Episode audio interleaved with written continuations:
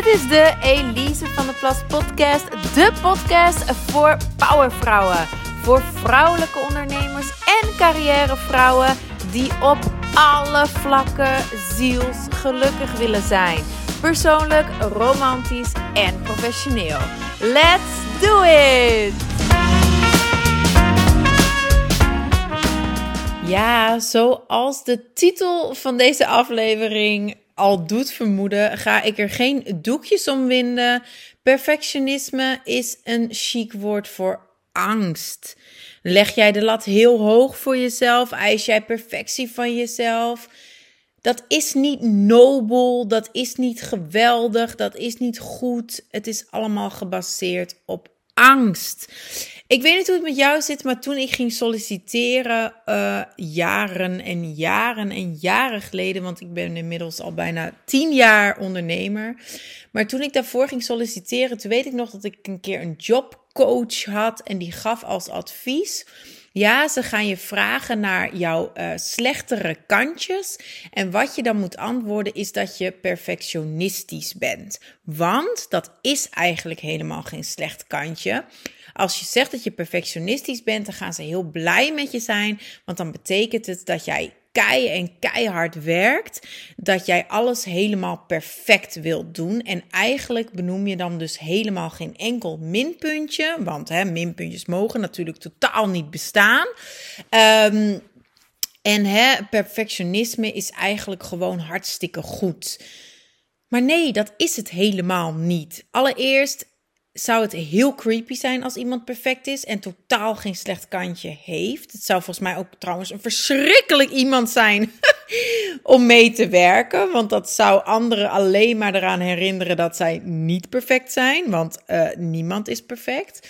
Um, maar het is dus ook helemaal niet een goed iets. Hè? Als ik nu een teammember interview om bij het team van Elise van der Plas om, of om bij uh, mijn andere bedrijf Kama te werken, dan zou ik het absoluut niet als een pluspunt zien dat iemand zegt dat diegene perfectionistisch is. Want ik weet dus, het is gebaseerd op angst. Diegene heeft nog heel veel zelfwerk te doen. Je legt namelijk die lat helemaal niet hoog voor jezelf omdat je dat wilt als je vanuit van perfectionisme dingen doet, maar omdat je bang bent voor afwijzing als het niet goed genoeg is. Het is gebaseerd op die angst. Wat als je niet dat beste meisje van de klas bent? Wat als je niet geweldig goed presteert op alle vlakken? Heb je dan nog wel bestaansrecht? De angst om niet waardevol en goed genoeg te zijn, zorgt ervoor dat je super, super streng bent voor jezelf. En dat maakt het niet alleen heel erg lastig voor jezelf om nog met plezier je werk te doen.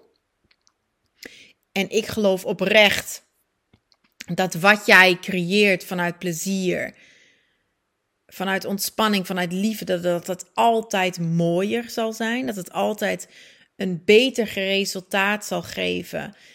what is created from love is always better than anything that's created from fear. Dus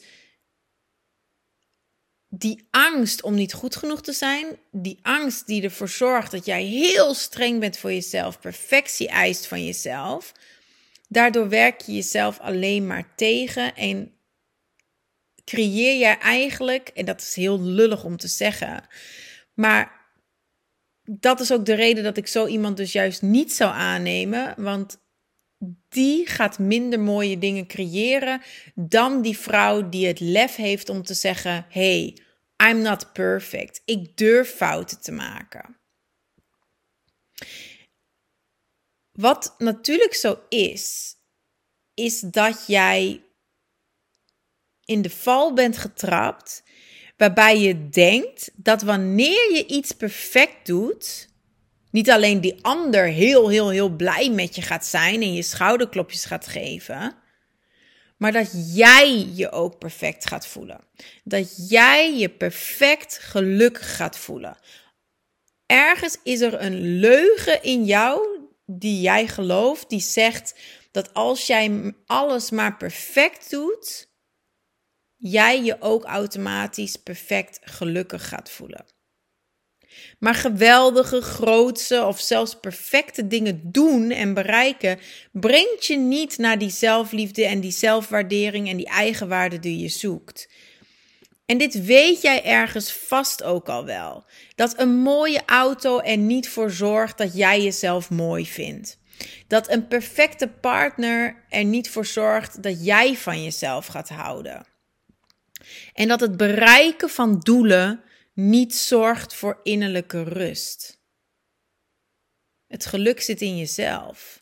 Het geluk schuilt in je ziel en niet in je ego. Dat ego is bovendien ook onverzadigbaar. Hè? Die wil altijd meer. Altijd meer en beter. Het is nooit goed genoeg. Dat herken je misschien ook wel. Het is nooit goed genoeg. Want je behaalt een doel en je stelt gelijk een nieuw doel. Een nog groter doel. En je kunt ook niet eens echt genieten van je behaalde doel. Je kunt niet eens echt tevreden zijn, zelfs als het doel bereikt is. Want dan komt het stemmetje in je hoofd die zegt: ja, maar het had beter gekund. Of ja, maar je hebt het doel nu wel bereikt, maar je had veel sneller dat doel moeten bereiken. Dat stemmetje wordt ook wel je innerlijke criticus genoemd. En dat is ook waar jouw kans ligt om dat perfectionisme te doorbreken. Je innerlijke criticus, ik noem die van mij Shitty Susie. Je innerlijke criticus is hardnekkig, ze is negatief en ze stamt vaak al uit je jeugd. Denk aan een vader die bij een acht zijn, die bij als je met een acht thuis kwam zei, ja dat had een negen kunnen zijn. Of dat had een tien moeten zijn. Of een moeder die als jij aangaf moeten zijn of geen zin te hebben in iets, je standaard bestempelde als lui. Of zei met ja, het vast, valt vast wel mee, hup, werk door, niet zo zeuren, taken moeten af. Is belangrijk, je moet hard werken. Je moet presteren. En als kind wil je je ouder tevreden stellen. Als kind wil je dat het goed gaat met je ouders. En als dat niet zo is, dan geef je jezelf de schuld en dan wil je ze helpen. En het is de natuur van elk kind om dat te doen. Om je ouders tevreden te willen stellen en blij te willen maken. En het is aan de ouders om dat kind daarvoor te behouden en daarvoor te beschermen. Het is aan de ouders om het kind te behoeden voor dat redderssyndroom. Gebeurt dat niet, en misschien is dat in jouw geval wel zo geweest, dan word je, zoals het heet, geparentificeerd. opnieuw. Dan word je geparentificeerd. Jij wordt als het ware de parent. Jij wordt als het ware de ouder. Jij voorziet in de behoeften van hun in plaats van andersom. En een heel interessant boek hierover is dat van Marinka Kamphuis. Ik heb het er weer even bijgepakt bij de voorbereiding van deze aflevering. Het boek van haar heet Te vroeg volwassen. En zij beschrijft daarin vier groepen kinderen waarbij die parentificatie een rol kan spelen. En één van die groepen is, het is de groep van het perfecte kind. En dat is dus het kind dat alle verwachtingen van de ouder in wil lossen, waar wil maken. Dat aan alle verwachtingen niet alleen wil voldoen, maar het perfect wil doen. Want het wordt geprezen om haar prestaties. Het wordt geprezen, het krijgt complimenten op een moment dat zij iets ontzettend goed dicht doet. En ze wordt vaak bekritiseerd als ze iets niet goed doet. Dus ze gaat steeds harder, harder haar best doen. Met als resultaat dat het kind helemaal niet meer zichzelf afvraagt wat zij nu eigenlijk echt wil. Ze wordt puur gedreven. Ze heeft als drijfveer de lof en de goedkeuring van haar ouders. En ze weet ze gaat dat krijgen als ze alles perfect doet, als ze presteert. En dat hoeft niet per se je ouders te zijn. Dat kan ook, kan ook iemand anders geweest zijn die jij zag als rolmodel, waar jij naar opkeek.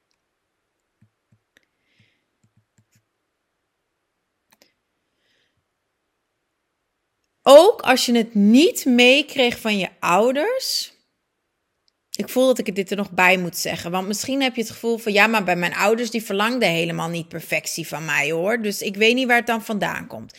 Maar ook als je het niet al meekreeg van je ouders, dan nog leven de meeste mensen hun leven vanuit angst. Hè? We maken beslissingen en keuzes op basis van wat anderen ervan zullen, zullen denken. Anderen. Dat kunnen dus je ouders zijn, maar dat kan ook je partner zijn. Dat kan je vriendinnengroep zijn. Anderen, mensen buiten jou. We kiezen een baan dat aanzien heeft. We dragen bepaalde kleding omdat dat tussen haakjes zo hoort. We zijn continu bezig met anderen. We weten dus vaak helemaal niet meer wat we zelf nu echt willen. We kleuren binnen alle lijntjes en willen dat zo perfect mogelijk doen. Want als we buiten die lijntjes gaan kleuren, als we buiten de norm gaan leven, dan gaan we dood. Dan gaan we dood. En dat klinkt nu heel overdreven en jij weet ook wel dat het helemaal niet zo is, dat je dan niet doodgaat. Maar dat is wel waar jouw innerlijke criticus heilig van overtuigd is. Jouw innerlijke criticus leeft namelijk in het reptiele brein. Hè? En in dat deel van je brein, daar, daar gaat het volledig om overleven. Dus really, Shitty Susie in mijn geval, I don't really blame her. Ze bedoelt het goed. Ze doet een verschrikkelijke job in keeping me safe, maar ze bedoelt het wel goed. Ze wil me veilig houden. Ze heeft zich gewoon niet ontwikkeld sinds de oertijd. Het is een simpele meid. Ze denkt nog in termen van vechten en vluchten. En haar hoogste doel is om te zorgen dat ik niet buiten de groep val. Maar ik weet wel beter. Ik weet dat ik niet doodga als ik buiten de groep val. Ik weet dat ik niet sterf als ik een fout maak. En ik weet dat ik niet verstoten zal worden door de groep of de mensen. Wie zijn de mensen überhaupt? En zelfs als ik een fout maak, zelfs als ik een fout maak, zelfs stel ik koppel hem terug naar jou. Zelfs als jij een fout maakt op je werk en je wordt daardoor ontslagen, dan overleef je dat ook. Dan overleef je dat ook. You will not die from not being perfect. En dat is toch ergens op een onbewuste level wel vaak waar we bang voor zijn. Dus blijf dat maar herhalen voor jezelf. Ik mag fouten maken. Ik mag fouten maken. Het hoeft niet perfect. Het hoeft niet perfect. I will live. I will live. Sterker nog, ik ben zeker dat als je je kan bevrijden van je perfectionisme, dat je niet alleen van overleven naar leven gaat, maar dat je gaat thriven. Dat je gaat vliegen. Dat je alleen maar hoger boven jezelf gaat uitstijgen. Nou, en deze mag je ook tot je laten doordringen. Sluit je ogen, zou ik zeggen. Ga er goed voor zitten. Laat het echt binnenkomen bij je. Jij hoeft geen liefde te verdienen. Jij bent goed genoeg. Altijd. Ook als je er niet uitziet. Ook als je lui bent. Ook als je fouten maakt. Ook als je een doel niet behaalt. Ook als je iemand anders teleurstelt. Jij bent altijd goed genoeg, altijd. En je hebt altijd bestaansrecht. Je mag er altijd zijn. Jij hebt altijd waarde. Je verdient altijd liefde. Je bent altijd goed genoeg. En je hebt geen goedkeuring nodig van wie dan ook om er volledig te mogen zijn met al jouw imperfecties. En daar ga ik mee afsluiten voor nu. De weg naar geluk is echt jezelf te bevrijden van die angst en te gaan leven vanuit zelfliefde en vanuit authenticiteit, vanuit wie jij echt bent. En ik gun je dat gevoel zo ontzettend. Het zo ontzettend. Ik heb aan beide kanten gestaan. Ik heb ook vastgezeten in dat hokje van perfectionisme. Ik ben eruit gebroken en I can tell you it's way better living on the other side. Hallelujah. Zeg het met me mee. Fuck the fear, fuck the fear. Fuck trying to be perfect. Zet jezelf boven die angst. Nou, ik ben er volgende week weer voor je met een nieuwe dosis aan inspiratie, motivatie. En natuurlijk, als je me hulp wilt bij het doorbreken van toxic gedachten en gedrag dat je klein houdt, als je volledig vrij, zelfverzekerd, mooi, zelfliefdevol wilt voelen, dan hoef je natuurlijk ook niet te wachten tot volgende week. Dan kun je ook nu echt actie ondernemen en starten met de online cursus. Met een online cursus bekijk ze via elisevdplas.com, want ik ben Elise van der Plas natuurlijk. Dus elisevdplas.com. Daar vind je cursussen, daar vind je ook coaching. Mocht je interesse hebben voor coaching of mocht je twijfelen tussen een zelfstudie en het één op één traject. Plan dan ook gerust een call in met mij. Vind ik echt oprecht heel fijn om je te spreken. Dan gaan we kijken of ik je kan verder helpen en hoe ik je kan verder helpen. Je kunt de call het makkelijkste inplannen via elisevdplas.com slash links. Tot snel. Bye bye. Fuck the fear, fuck the fear.